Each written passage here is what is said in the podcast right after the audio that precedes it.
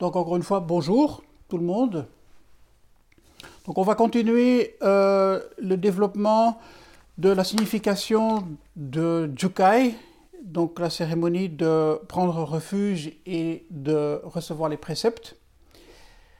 Donc, euh, comme j'ai, pour résumer un petit peu le tout premier Taisho, je crois que, en fait, si on veut vraiment être logique, enfin, il me semble qu'on peut résumer ça en un mot, et c'est suivre.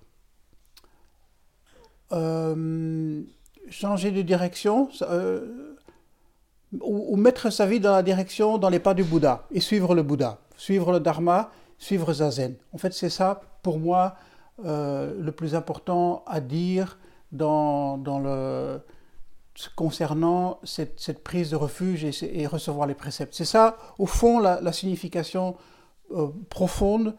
C'est simple à dire et peut-être même simple à comprendre intellectuellement, mais il y, a quelque chose là-dedans qui, qui, qui, va très loin parce que euh, dire oui, on suit le Bouddha, on suit euh, le zazen, et est-ce que c'est véritablement comme ça que les choses se passent?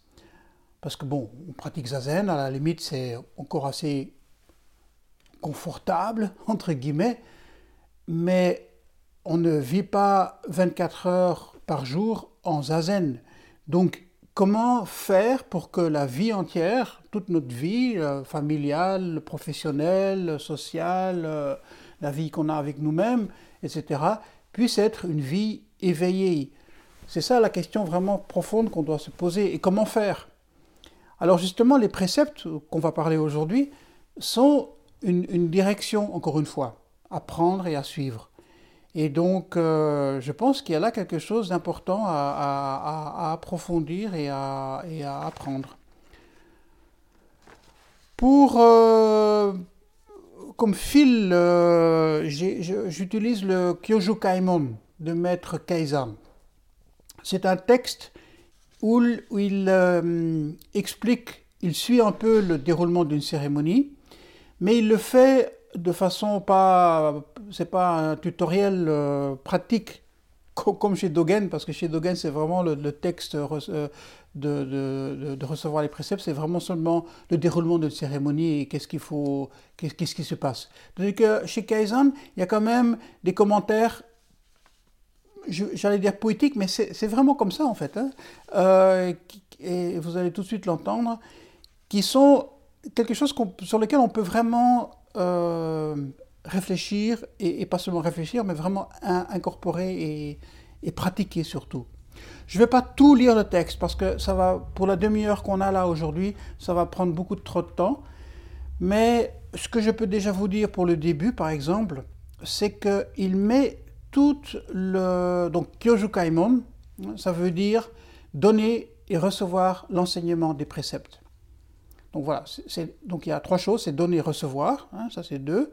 Donc il y a quelqu'un qui donne, quelqu'un qui reçoit, et il parle de, l'enseignement. Donc ça, je, pense que c'est quelque chose qu'on peut déjà retenir.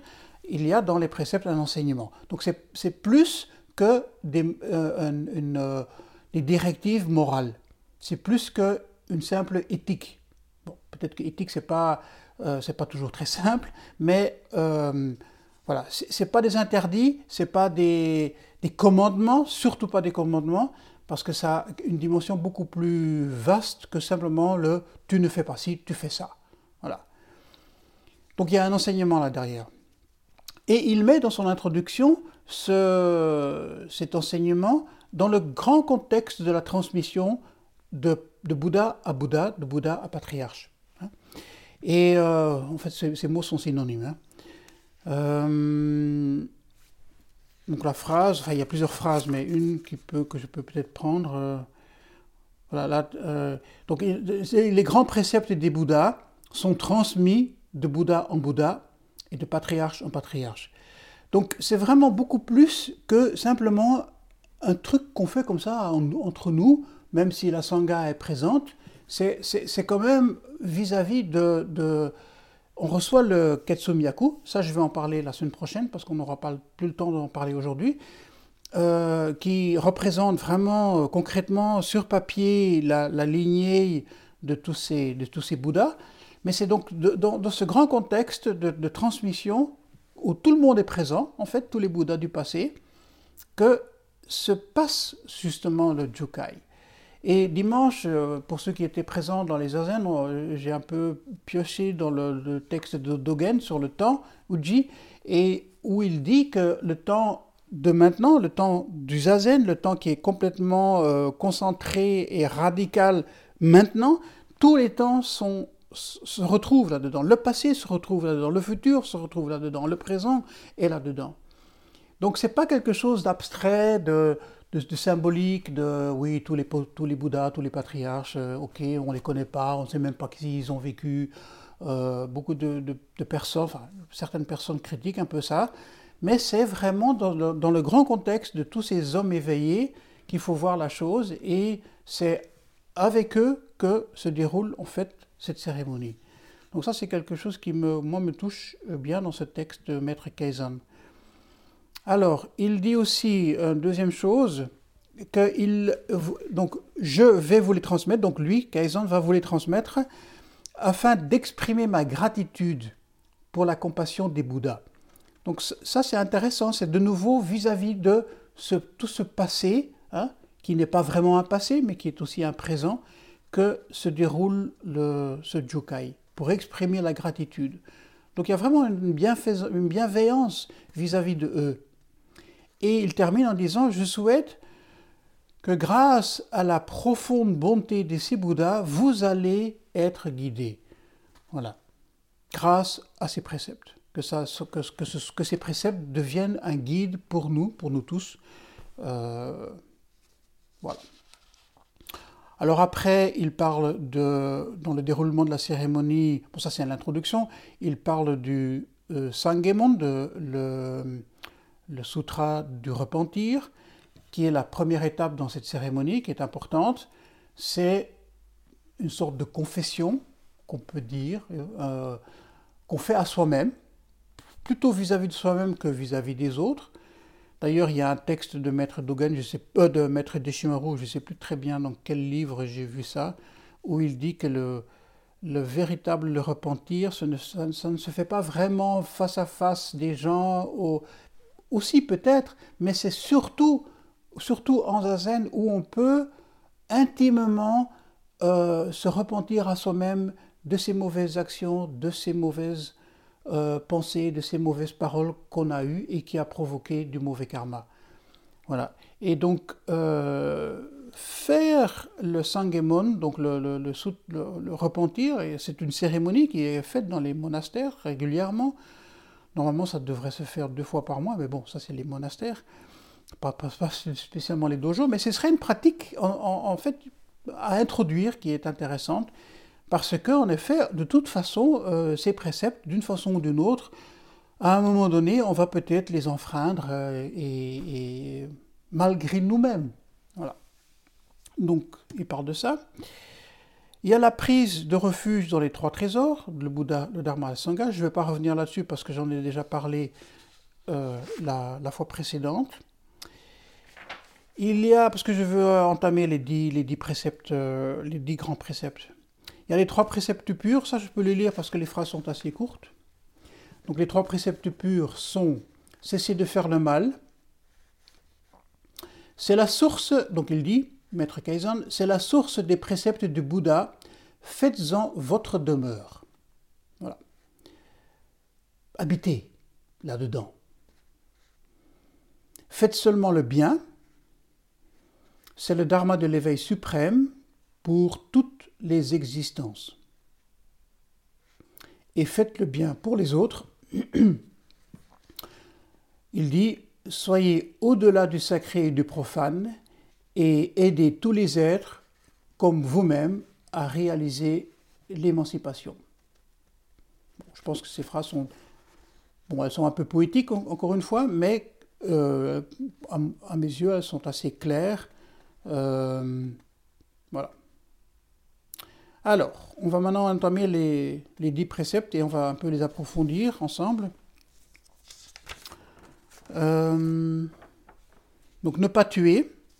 Donc je vais vite les énumérer. Hein. Donc, euh, je, l'avais déjà fait, mais je vais refaire. Ne pas tuer, ne pas voler, ne pas convoiter, ne pas mentir, ne pas s'intoxiquer, ne pas critiquer, ne pas s'admirer, ne pas être avare, ne pas se mettre en colère et ne pas calomnier les trois trésors. ce sont les dix. Alors, le premier, ne pas tuer. Maître Kaizen dit par rapport à ce précepte, ne pas détruire d'êtres vivants, c'est permettre à la vie de Bouddha de continuer à se développer. Ne tuez pas Bouddha. Et ça, je pense que c'est quand même quelque chose qui va beaucoup plus loin que la simple idée, enfin simple.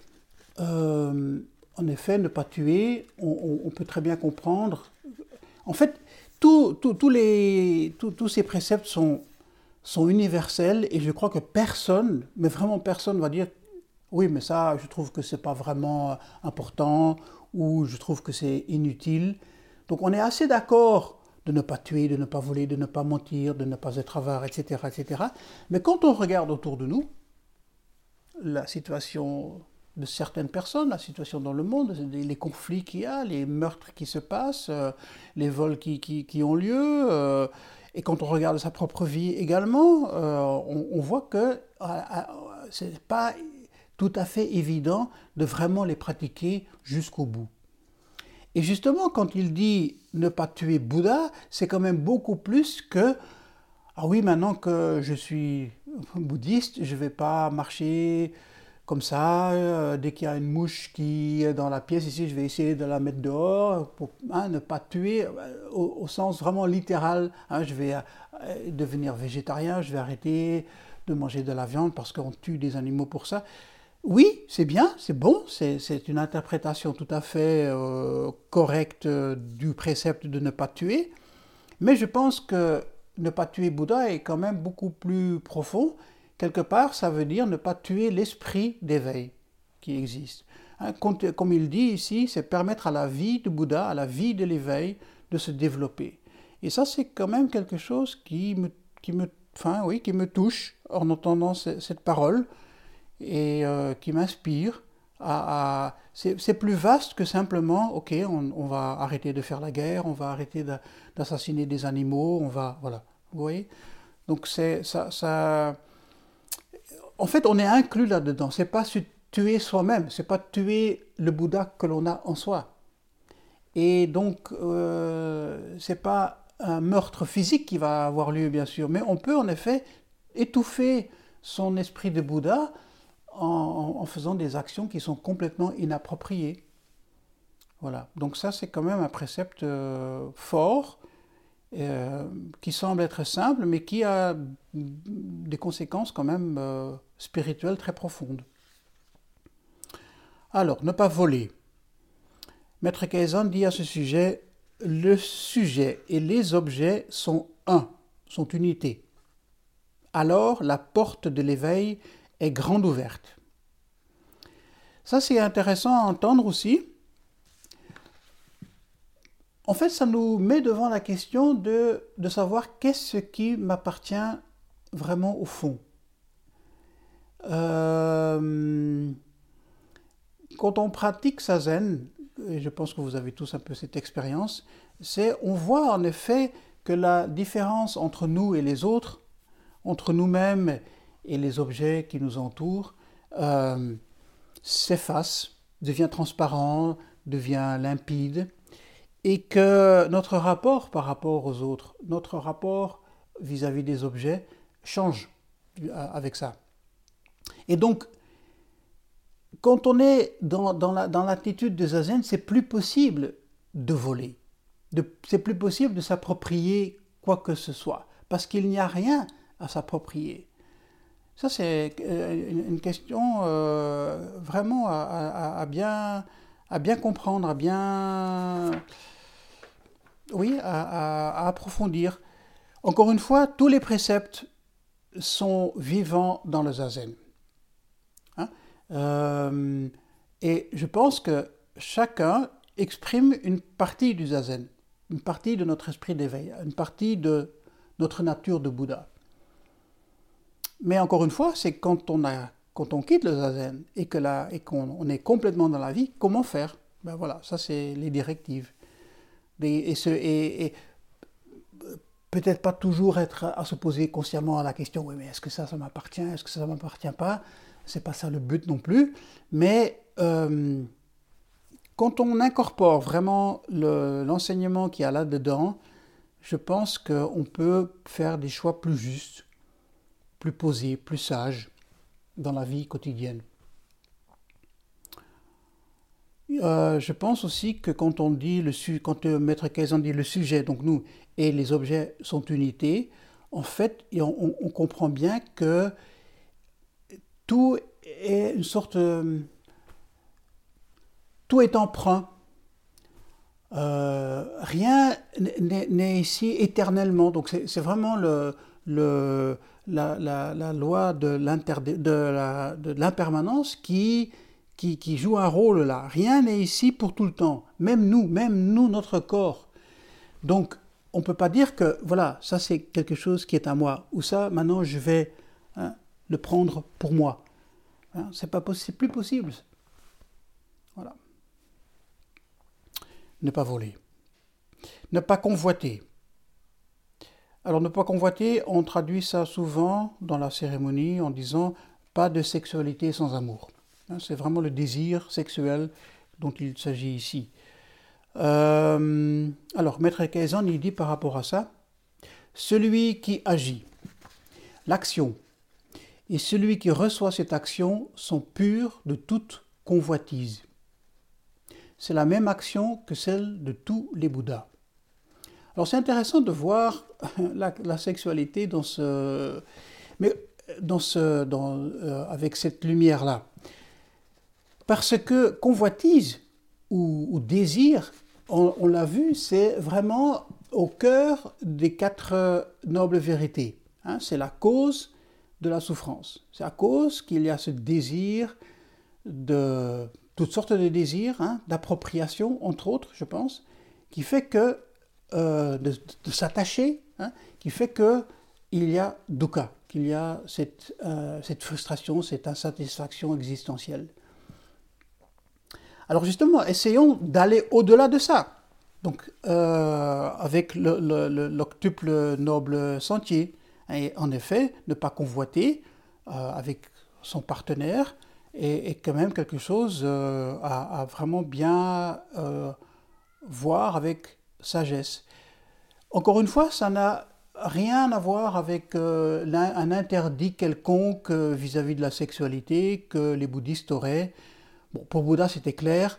Euh, il avait deux sortes de disciples. Il y avait les, disciples laïcs qui restaient dans leur famille et les moines qui, eux, étaient euh, sans famille, sans compagnon, sans rien et, chastes. Voilà. Bon, je l'ai déjà expliqué. Pour le zen, c'est un peu exceptionnel qu'on peut avoir des, des, un compagnon, euh, se marier, avoir une vie de famille.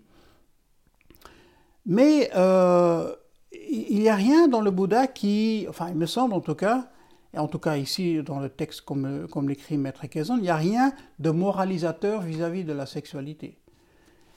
Donc encore une fois, ça fait appel à notre sagesse, à, notre, à, la sagesse qui est au fond de nous et qui à partir du zazen doit pouvoir se développer aussi au niveau de la sexualité. Voilà. Ne pas mentir. Alors ça, c'est pas mal. Hein, Il y en a comme ça quelques-uns. Hein, ne pas mentir. Alors Maître Kais en est dit, la roue du Dharma tourne depuis l'origine. Rien ne manque ni n'est en trop. Alors la douce rosée recouvre le monde entier et en elle se trouve la vérité. Alors là, ça devient vraiment euh, haute, haute, voltige. Hein, euh, dans le poétique, la douce rosée. Alors qu'est-ce que ça a à voir avec euh, mentir ou ne pas mentir, justement? Je pense que mentir, c'est une action qui est toujours, enfin il me semble, qui est toujours faite à partir de notre ego qui, insatisfait d'une situation ou l'autre, ou d'une personne ou l'autre, va ou déformer la réalité en, inventant une fiction ou en cachant la vérité. Voilà. Donc c'est toujours, mentir, c'est toujours une sorte de vouloir manipuler euh, les autres. Voilà. Et euh, quand on lit La roue du Dharma tourne depuis l'origine, en fait, il n'y a rien à manipuler. Tout, de nouveau, dans l'esprit d'éveil, c'est plus nécessaire de vouloir manipuler quoi que ce soit. La roue du Dharma, elle tourne. Et euh, cette douce rosée, ça adoucit les, choses, il me semble. Et euh, qu'est-ce que j'ai mis dans mes, dans mes notes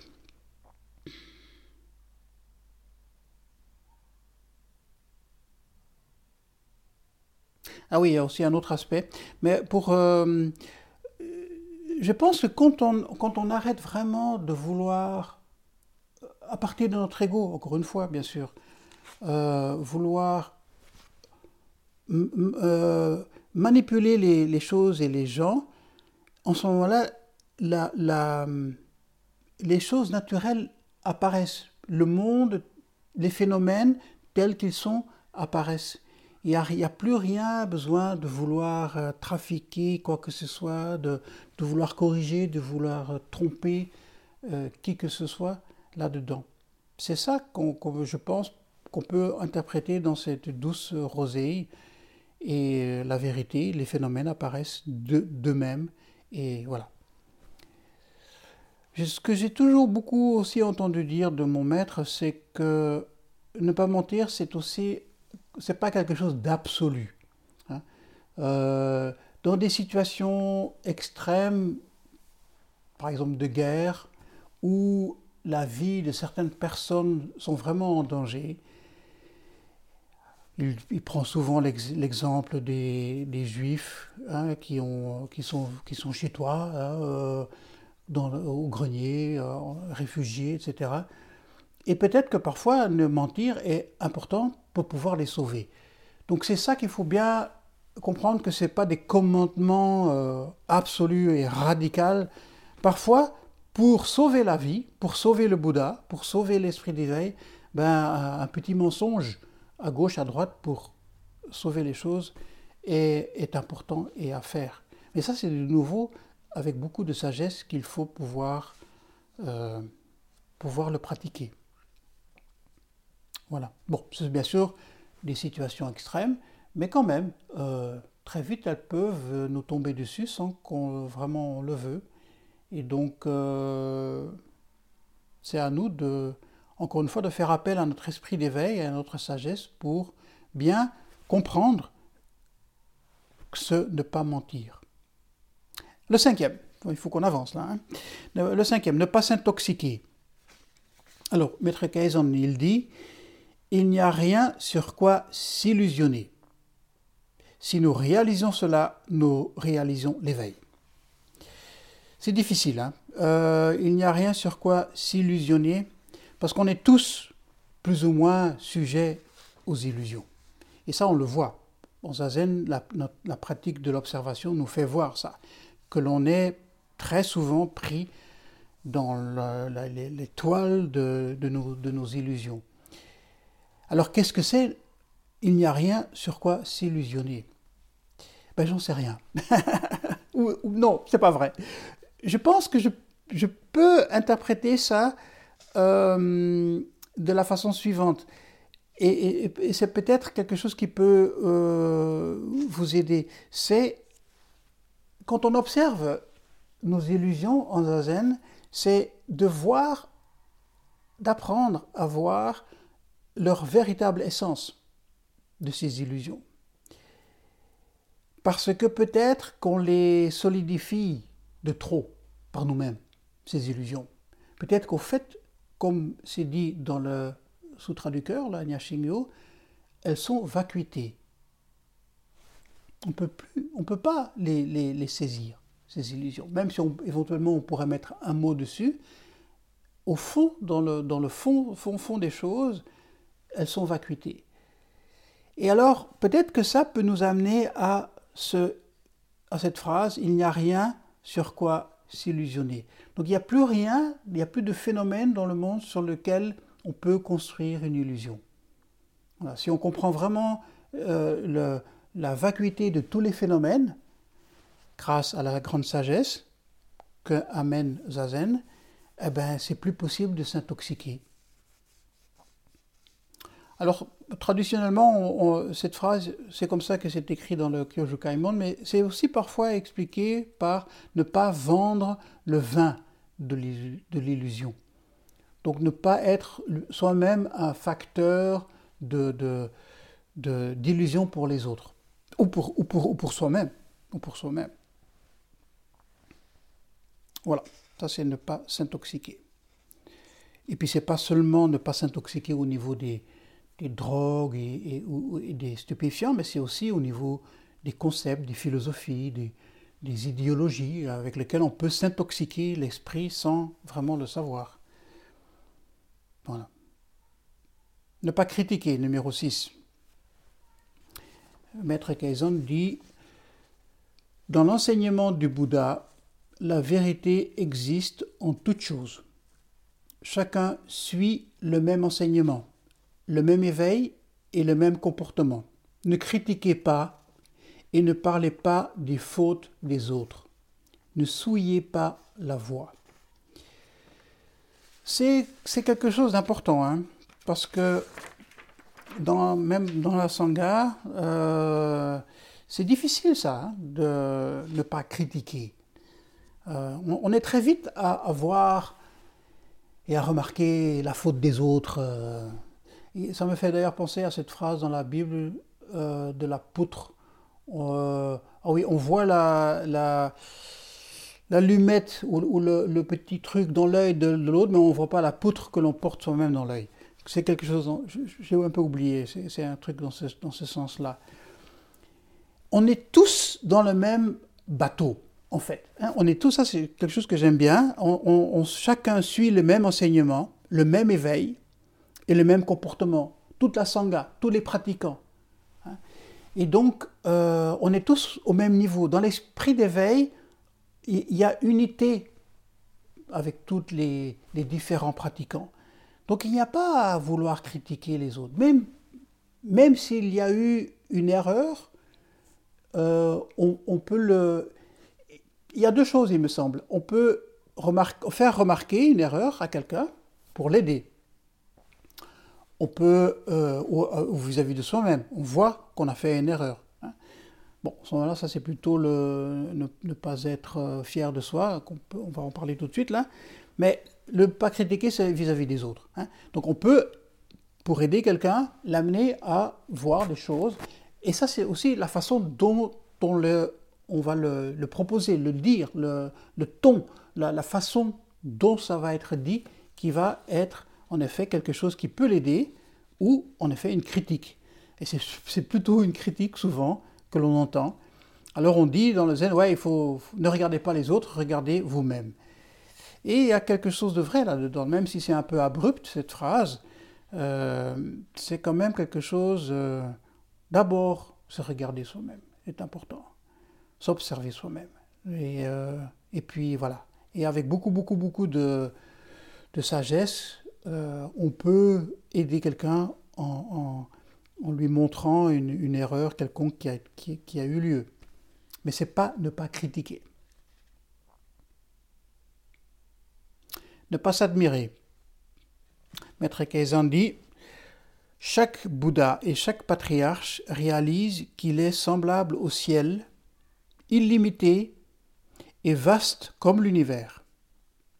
Quand ils réalisent leur vrai corps, il n'y a rien à l'intérieur ni à l'extérieur, et ils ne demeurent nulle part sur cette terre. Alors oui, ne pas s'admirer. Euh, en fait, encore une fois, c'est toujours à bien comprendre à l'intérieur de l'esprit de Bouddha, à l'intérieur de l'esprit de Zazen, ça ne sert à rien de s'admirer. Parce que, comme c'était dit ici, nous sommes illimités et vastes comme l'univers. Donc la, chose qu'on peut faire, moi, hein, les médailles, les machins, les, trucs, euh, le kessa, tout ça, euh, Voilà, ça, ne,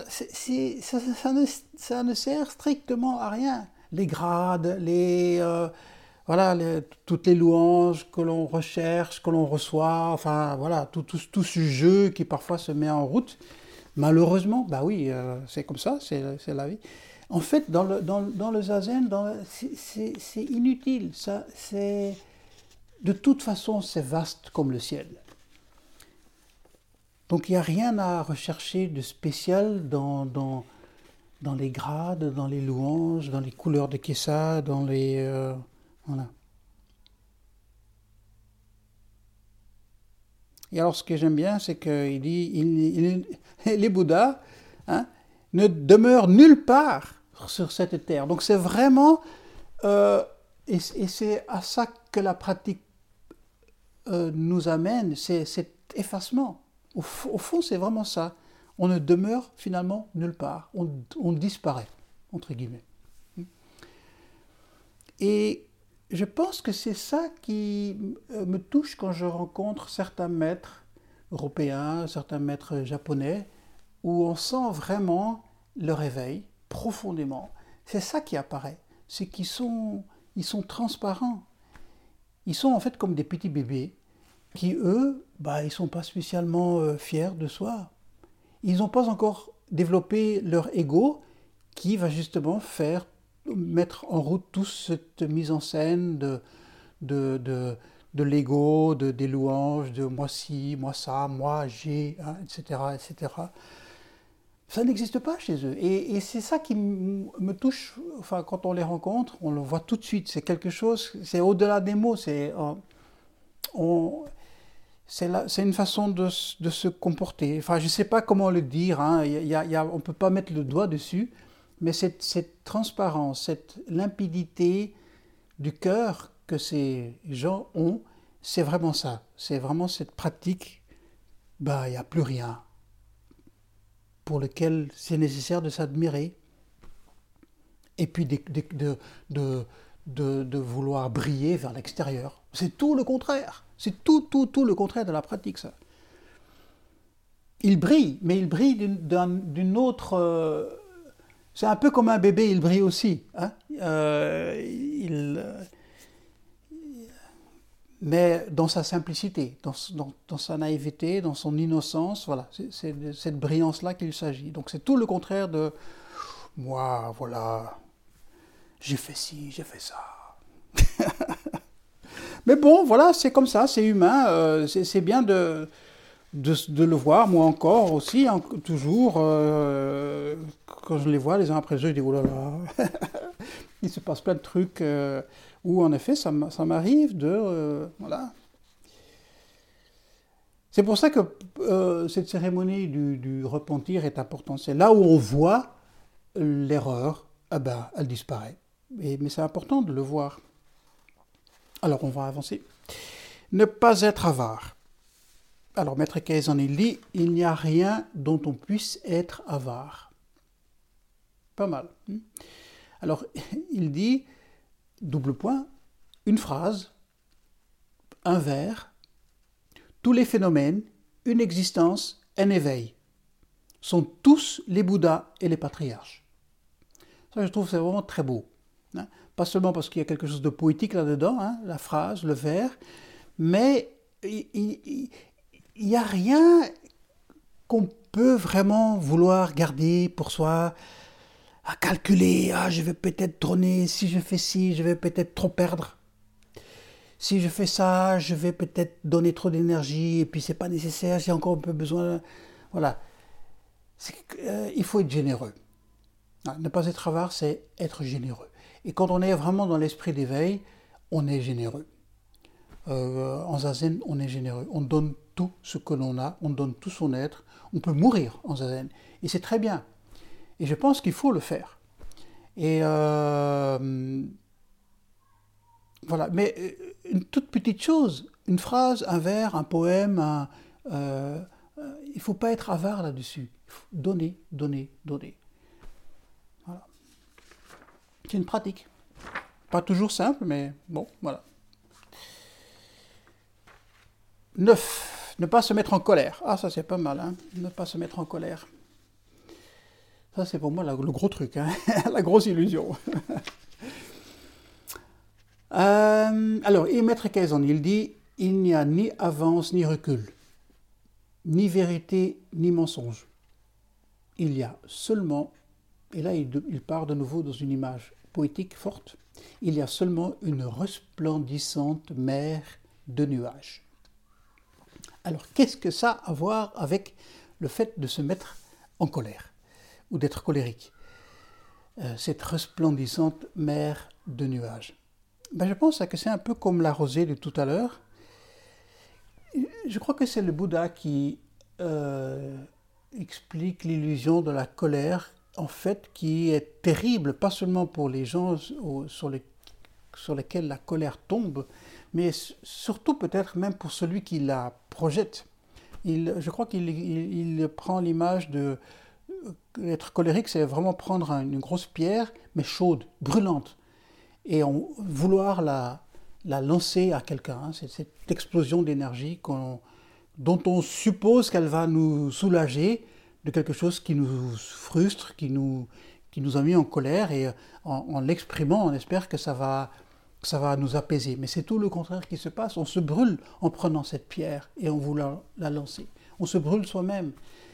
Et c'est pour ça que la pratique de ne pas se mettre en colère, c'est vraiment apaiser le, cette montée d'émotions qui arrive avec la resplendissante mer de nuages qui va aider à calmer le feu qui y a en nous. Cette rosée qui va euh, adoucir c'est pas simple, hein. c'est parce que c'est quelque chose qui est euh, parfois même lié à, des émotions très vitales, très profondes, très euh, voilà que l'on maîtrise pas tout le temps. C'est sûr que la colère, on va pas la maîtriser au, au moment où elle explose, ça c'est clair. Mais on peut très bien, avec la pratique de zazen euh, approfondie, voir les stratégies que l'ego met en place pour en arriver à cette colère. Et quand on détecte ça, on peut apaiser la chose en, soyant compatissant avec soi-même, en soyant compatissant avec les autres, en soyant compatissant avec la situation qui va nous frustrer et qui va nous mettre en colère. Et petit à petit, ça, ça aide et ça va se calmer. Voilà. C'est vraiment une pratique, ça. Voilà. La colère.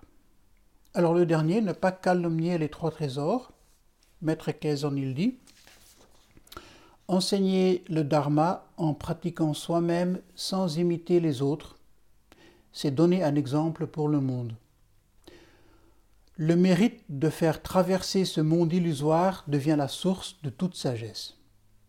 Ne critiquez pas l'enseignement, mais acceptez-le complètement. Quelque part, c'est un peu, enfin, ça me semble complètement logique si on a pris au début de, de, la, de si on a pris refuge dans les trois trésors, il me semble que c'est quand même un peu complètement contradictoire de, après de vouloir commencer à, les critiquer. Donc il y a là quelque chose qui, n'est plus logique. Mais bon, l'esprit humain n'est pas toujours très logique. Hein, euh, donc c'est bien que c'est quand même inscrit ici et que c'est aussi un moment de pratique à faire. Ce qui est bien dans la phrase de, Maître Kaizen, c'est euh, on pratique en donnant l'exemple au monde. C'est, enseigner, c'est, bon, bien sûr, hein, un teisho, un kusen, euh, les livres, les films, etc., etc. C'est une façon d'enseigner. Mais le meilleur enseignement, il me semble, c'est simplement de montrer l'exemple, sans, sans même vouloir encore une fois, briller là-dedans ou quoi que ce soit, mais simplement avoir le comportement juste. Et ça, ça peut se refléter très vite sur les autres. Les autres, ah oui, il fait ça comme ça, et ça peut les inspirer. Et euh, voilà, donc ça c'est important. Et, euh, et, il met ça en relation avec ne pas calomnier les trois trésors, c'est donner l'exemple de la pratique aux autres.